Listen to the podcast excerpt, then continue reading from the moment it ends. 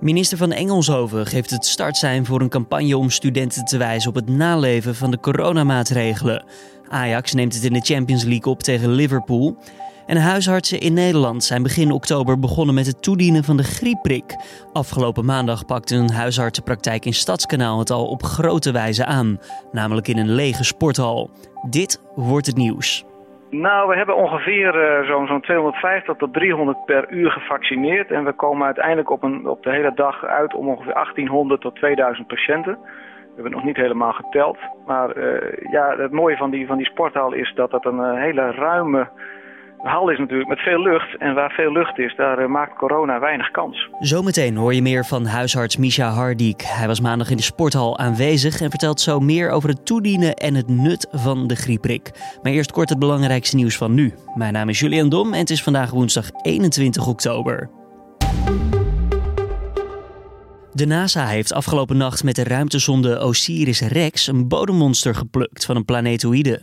Met een grijparm van enkele meters werd wat oppervlaktemateriaal opgezogen, zodat dit later geanalyseerd kan worden. De sonde heeft ook foto's gemaakt van de actie en mogelijk brengt de NASA deze later vandaag naar buiten. Minister Cora van Nieuwenhuizen noemt het onwenselijk dat luchtvaartmaatschappijen tegen zeer lage tarieven vluchten aanbieden naar gebieden met een oranje reisadvies. Tegelijk zegt ze dat het kabinet dit soort dumpvluchten niet kan verbieden vanwege onder meer het recht op concurrentie. Van Nieuwenhuizen heeft het probleem verder wel aangekaart bij andere lidstaten, in de hoop dat er samen alsnog actie ondernomen kan worden. In de Nigeriaanse stad Lagos zijn gisteren meerdere mensen overleden nadat het leger vuur opende op een groep demonstranten. Het leger deed dat in het district Liki, waar al dagen duizenden demonstranten verzamelen. Ze protesteren tegen het buitensporig politiegeweld in het land. Vanwege de protesten is er in Lagos een avondklok ingesteld. Tientallen kunstobjecten zijn begin deze maand in Berlijn bespoten met een olieachtige substantie. De objecten zijn daarbij beschadigd geraakt. Het gaat om onder meer Egyptische sarcofagen, beeldhouwwerken en schilderijen uit de 19e eeuw. Wie achter de aanvallen zit is niet duidelijk, maar Die Zeit schrijft dat het zou gaan om een samensweringsideoloog die eerder betoogde dat het Pergamon Museum, een van de getroffen musea in Berlijn, het centrum is van de wereldwijde satanistenscène en coronacriminelen. PostNL houdt voor de komende feestdagen rekening met een enorme toename van het aantal verzonden pakketjes. Vanwege de coronacrisis is de capaciteit al met 40% vergroot. En met de feestdagen komt daar nog eens 20 tot 30% bovenop, zegt PostNL tegen nu.nl. Voor het coronatijdperk leverde de postdienst dagelijks zo'n 900.000 pakketten af. En inmiddels gaat het nu op piekmomenten al richting de anderhalf miljoen pakketten per dag. Dan ons gesprek van deze woensdagochtend. Het kan zijn dat je inmiddels een uitnodiging voor de griepprik hebt ontvangen. Huisartsen in heel het land zijn namelijk begin oktober begonnen met het toedienen van de prik. En dat zal nog tot ongeveer ergens begin november duren. Vanwege de coronapandemie heeft het RIVM dit jaar ook meer vaccins ingeslagen dan in voorgaande jaren. De verwachting is namelijk dat meer mensen afkomen op de oproep voor het griepvaccin. Een plek waar de griepprik inmiddels is uitgedeeld is Stadskanaal. Huisartsenpraktijk De Vene die pakt het daar op een unieke wijze aan. En je hoort daar huisarts Misha Hardik over. Nou, dat ging eigenlijk heel goed. We hebben een, eh, een eh, grote sporthal eh, beschikbaar gekregen van, van de gemeente Stadskanaal. Daar hebben we ook een beheerder bij gehad die keurig de broodjes verzorgde en ook de anderhalve meter goed hanteerde. En daar hebben we met tien assistentes uh, ja, eigenlijk uh, de hele dag door griepvaccinaties gegeven. Hoeveel waren dat er die dag? Nou, we hebben ongeveer zo'n zo'n 250 tot 300 per uur gevaccineerd. En we komen uiteindelijk op, een, op de hele dag uit om ongeveer 1800 tot 2000 patiënten. We hebben het nog niet helemaal geteld. Maar ja, het mooie van die, van die sporthal is dat het een hele ruime hal is natuurlijk met veel lucht. En waar veel lucht is, daar maakt corona weinig kans. Oftewel totaal anders dan natuurlijk gewoon op afspraak bij de huisarts in zijn normale kantoortje. Ja, nou dat, hebben wij, dat deden we afgelopen jaren inderdaad. Dat wij uh, beneden hadden we dan een, een projectje door het laboratorium heen. Dus aan de voordeur kwamen de patiënten binnen, ook zo'n 2000. En de achterdeur vertrokken ze weer en dan stonden we schouder aan schouder, uh, gaven we de prikken. En nu is dat totaal anders. Hè? We stonden nu met mondkapjes op, alle patiënten moesten mondkapjes dragen. Uh, we hadden lange witte jassen aan die we s'avonds dan weer konden wassen op 60 graden. Doordat we de risico van corona ja, eigenlijk uh, weghalen. En, en, en nu stonden we niet schouder aan schouder, maar stonden we allemaal zo'n drie meter uit elkaar. En de mensen ook, uh, ook ruim afstand van elkaar. Dus dat, dat, dat is corona-proof, zou ik willen zeggen. Dus dat gevoel van veiligheid was ook meer aanwezig eigenlijk? Dat gevoel was aanwezig en we hebben ook uh, heel duidelijk gezegd tegen de patiënten, nou niet alleen gezegd, maar juist ook geschreven. Dat iedereen heeft persoonlijk een brief gekregen. En uh, daarin hebben we gezegd van A tot en met Z, uh, iedereen komt op een bepaald tijdstip. En zo hebben we het verdeeld over de hele dag. En ook uitgelegd dat we in een sporthal dat doen. uitgelegd dat we het corona-proof ja, maken, dat iedereen anderhalve meter is ja, we zien ook dat de opkomst dit jaar ook iets hoger is uh, dan dat andere jaren is. Ja, want om zo meteen over die opkomst uh, verder te gaan, eerst nog even over de mensen die langskwamen. Hadden zij begrip voor deze nieuwe manier van werken? De mensen waren over het algemeen verbaasd en tevreden. En we hebben zelfs me mensen gehad, en er was een dame van een jaar of uh, tachtig, die, die nadat de griepvaccinatie gegeven was, thuis kwam, gelijk haar computer aangezet heeft, een e-mailtje heeft gestuurd en ons complimenten heeft gegeven van hoe we dit geregeld hebben. Omdat ja, men had natuurlijk wel wat angst. Uh, want ja, oudere mensen zijn kwetsbaar. En juist die mensen die we griepvaccinaties geven, die zijn kwetsbaar. Hè? Dat zijn mensen met diabetes, dat zijn mensen met hartfalen of COPD. Dus die zijn natuurlijk wat angstig om, om mensen te ontmoeten. Maar die bedankt ons echt van, nou, dit is goed georganiseerd. Ik voel mij veilig in deze setting. Dan even over die opkomst. U zegt al, uh, ja, het was iets hoger dan uh, voorheen. Hoeveel uitnodigingen had u vooraf verstuurd dit jaar? wij hebben een praktijk met 10.000 patiënten en vier verantwoordelijke artsen. Dus dat is een maatschap waar, waar ik mee samenwerk. En van die 10.000 mensen moesten we 3500 mensen uitnodigen. Die dus echt voldeden aan de, aan de voorwaarden om een griepvaccinatie te krijgen. Wij weten de afgelopen jaar dat ongeveer 50 tot 60 procent van die mensen komen. En, en, dit jaar hebben we rekening mee gehouden. We zeggen nou dat zal wel eens 10 tot 15 procent meer kunnen zijn. Dus we hebben ook meer ingekocht aan, aan griepvaccinatie uh, of griepvaccins.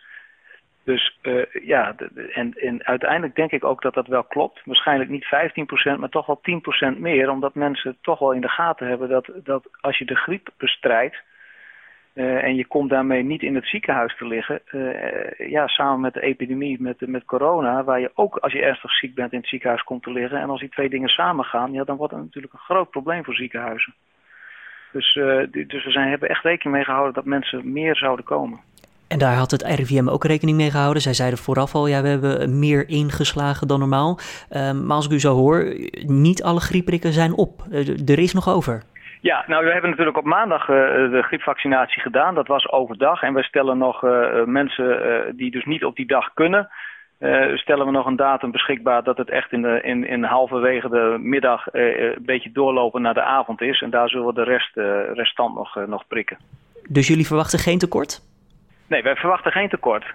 Wij hebben ruim ingekocht en dat betekent dat, dat we nog een, nou, een halve koelkast zeg maar, vol hebben met griepvaccinaties. En naast die griepvaccinatie gaven we dus ook nog voor het eerst dit jaar de pneumokokkenvaccinatie tegen een ernstige longontsteking op basis van de pneumokokbacterie. En ik denk ook, dat was ook onze verwachting, dat zagen we ook dat mensen daar ook meer op afkomen. Want ja, men weet ook dat, dat een pneumonie, hè, dus echt een heftige longontsteking, uh, voor mensen met, met diabetes en COPD ook dodelijk kan zijn. Dus dat, daar kwamen ook mensen, veel mensen op af. Wat gebeurt er met de vaccins die overblijven bij jullie, die niet worden gebruikt? Gaan die terug? Worden die vernietigd? Worden die verdeeld over andere huisartspraktijken? Uh, wij uh, zeker, hè? zolang het griepseizoen duurt, be bewaren wij de griepvaccinaties. En, en als er tekorten zijn bij andere collega's, dan is er één belletje en dat, dat, dan kunnen we ze overdoen naar, eh, naar andere collega's. Dus zo proberen we met z'n allen, zeker hier in Stadskanaal, uh, samen te werken. En kent een griep, uh, griepsvaccin, ik weet het niet, zoals een pak melk een houdbaarheidsdatum? Of is, is dat gewoon eindeloos houdbaar? Nou, je moet zo zien, griepvaccin, daar, daar zitten meestal drie of vier varianten in. Hè? Want men voorspelt dan op basis van, van andere werelddelen, voorspelt men welke type uh, griep er in Nederland zou komen. En dat zijn er dan drie of vier. Dat, die, worden, die vaccins worden dan uh, gemengd, die vier of, uh, drie of vier verschillende stammen zeg maar, van de griep. Dat wordt dan geblend en die blend dat wordt in een spuitje gezet en dat is inderdaad ongeveer een jaar houdbaar. Maar elk jaar moet je dus een nieuwe geven. En elk jaar is dat weer een andere variant. Dus dat betekent dat, dat je ja, dit griepseizoen, wat misschien duurt tot februari, je wilt natuurlijk ervoor af zijn. Maar tot februari kan je dat nog in principe geven, dus zo lang is het ook houdbaar.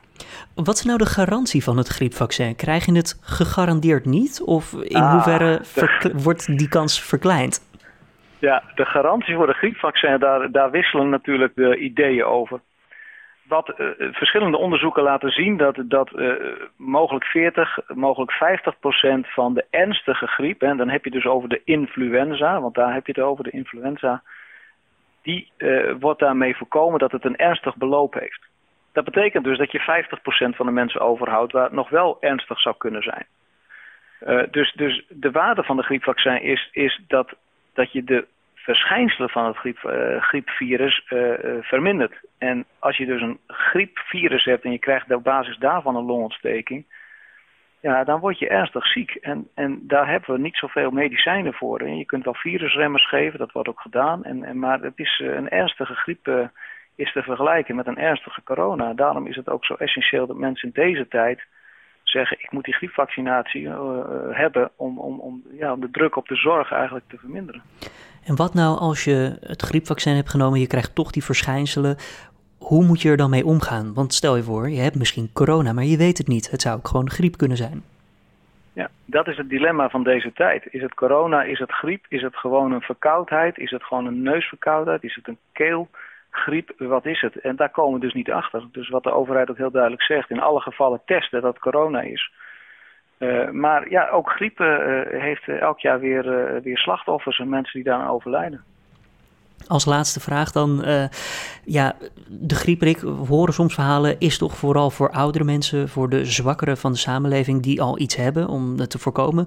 Kan je nou, als je denkt van, nou, ik ben jong, ik sta volledig goed in het leven, ik heb nergens last van, maar ik wil toch het zekere voor het onzekere nemen, kan je gewoon langs bij de huisarts om zo'n griepprik alsnog aan te vragen, zelfs al heb je de uitnodiging daarvoor niet gehad? Um, ja, dat kan wel. Maar we weten ook dat het dan wat minder zinvol is om een, eh, om een griepvaccin te nemen. Omdat we natuurlijk weten dat, dat uh, je eigen immuunsysteem die gestoord kan zijn bij ernstige ziektes, bij jonge mensen vaak niet gestoord is. Dus het heeft niet zoveel zin om bij je huisarts aan te kloppen en te zeggen: Ik ben bezorgd, misschien kan ik de griep krijgen, mag ik een griepspuit? Uh, dat zullen we als huisartsen over het algemeen niet doen. Kijk, en als er dan twijfel is over een bepaalde indicatie, hè, dus een reden waarom je de griepspuit krijgt, kun je altijd nog uh, in discussie gaan en zeggen... nou, in dit geval zou het misschien verstandig zijn... want u bent jong, maar u heeft de zorg voor een ernstig zieke moeder... die een bepaalde ziekte heeft en je wilt niet dat je het overdraagt. Nou, dat zijn dingen waar je het bij kunt overwegen. Maar over het algemeen geven we aan uh, jonge mensen geen, uh, zonder ziektes geen griepvaccinatie. Misha Hardik van huisartsenpraktijk De Venen in Stadskanaal. Hartelijk dank voor deze toelichting. graag gedaan. Dan verder de nieuwsagenda voor deze woensdag. Minister van Engelshoven die geeft vandaag het startsein voor een campagne die het bewustzijn over het coronavirus moet vergroten onder studenten. De campagne Daar doen we het voor is een initiatief van de Landelijke Kamer van Verenigingen.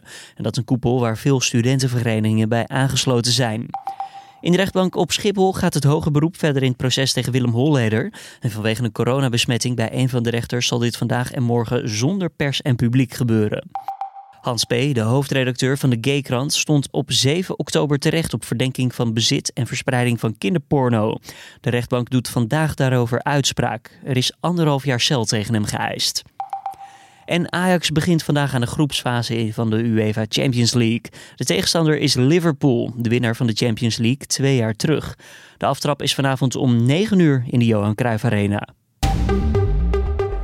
Voor het weerbericht is hier Raymond Klaassen van Weerplaza. De dag begint op veel plaatsen regenachtig, maar in de loop van de ochtend wordt het vanuit het zuiden droger en vanmiddag kan ook de zon af en toe doorbreken. Maar op hetzelfde moment gaat het ook stevig waaien. Er komt een matige tot krachtige zuidelijke wind boven land te staan en aan zee is de wind hard of zelfs stormachtig vanmiddag. Ook komen er zware windstoten voor van zo'n 75 tot 100 km per uur. Wat verder opvalt is de temperatuur. Het wordt morgen in het zuiden en zuidoosten zo'n 20 graden. In het noorden van het land blijft het kwik steken bij een graad of 17. In de loop van de avond neemt de wind geleidelijk aan af en komende nacht ligt de minimumtemperatuur rond 13 graden. Dankjewel Raymond. En dan nog eventjes dit.